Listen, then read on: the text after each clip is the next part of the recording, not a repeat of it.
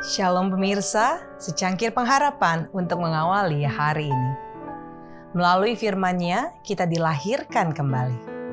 Karena kamu telah dilahirkan kembali, bukan dari benih yang fana, tetapi dari benih yang tidak fana, oleh firman Allah yang hidup dan yang kekal. 1 Petrus 1 ayat 23. Orang muda yang menemukan kegembiraan dan kebahagiaan dalam membaca firman Allah dan pada saat berdoa terus-menerus disegarkan oleh embusan dari sumber kehidupan. Dia akan mencapai ketinggian keunggulan moral dan pemikiran luas yang tidak bisa dibayangkan orang lain. Komunikasi dengan Allah mendorong pemikiran yang baik, aspirasi yang luhur, persepsi yang jelas tentang kebenaran, dan tujuan tindakan yang luhur.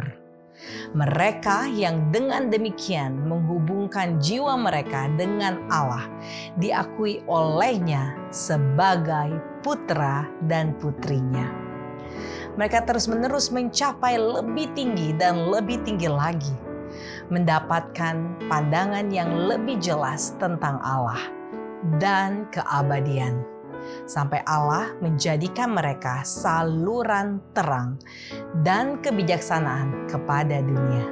Testimonis jilid 4 halaman 624. Perubahan hati yang menjadikan kita anak-anak Allah disebut di dalam Alkitab sebagai kelahiran baru di samping itu, dibandingkan dengan pertumbuhan benih yang baik yang ditaburkan oleh petani.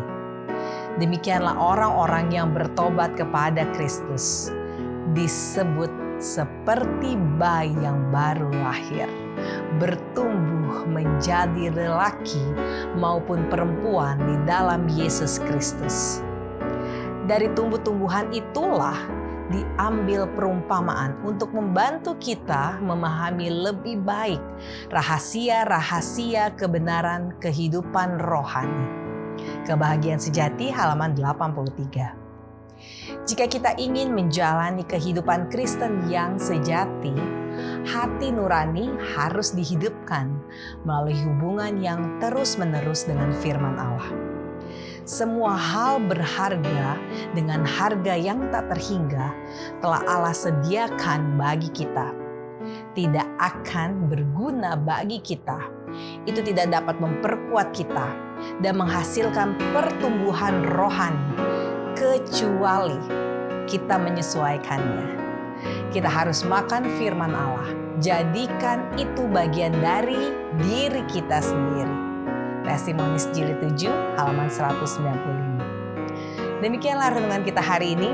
Selalu mulai harimu dengan secangkir pengharapan.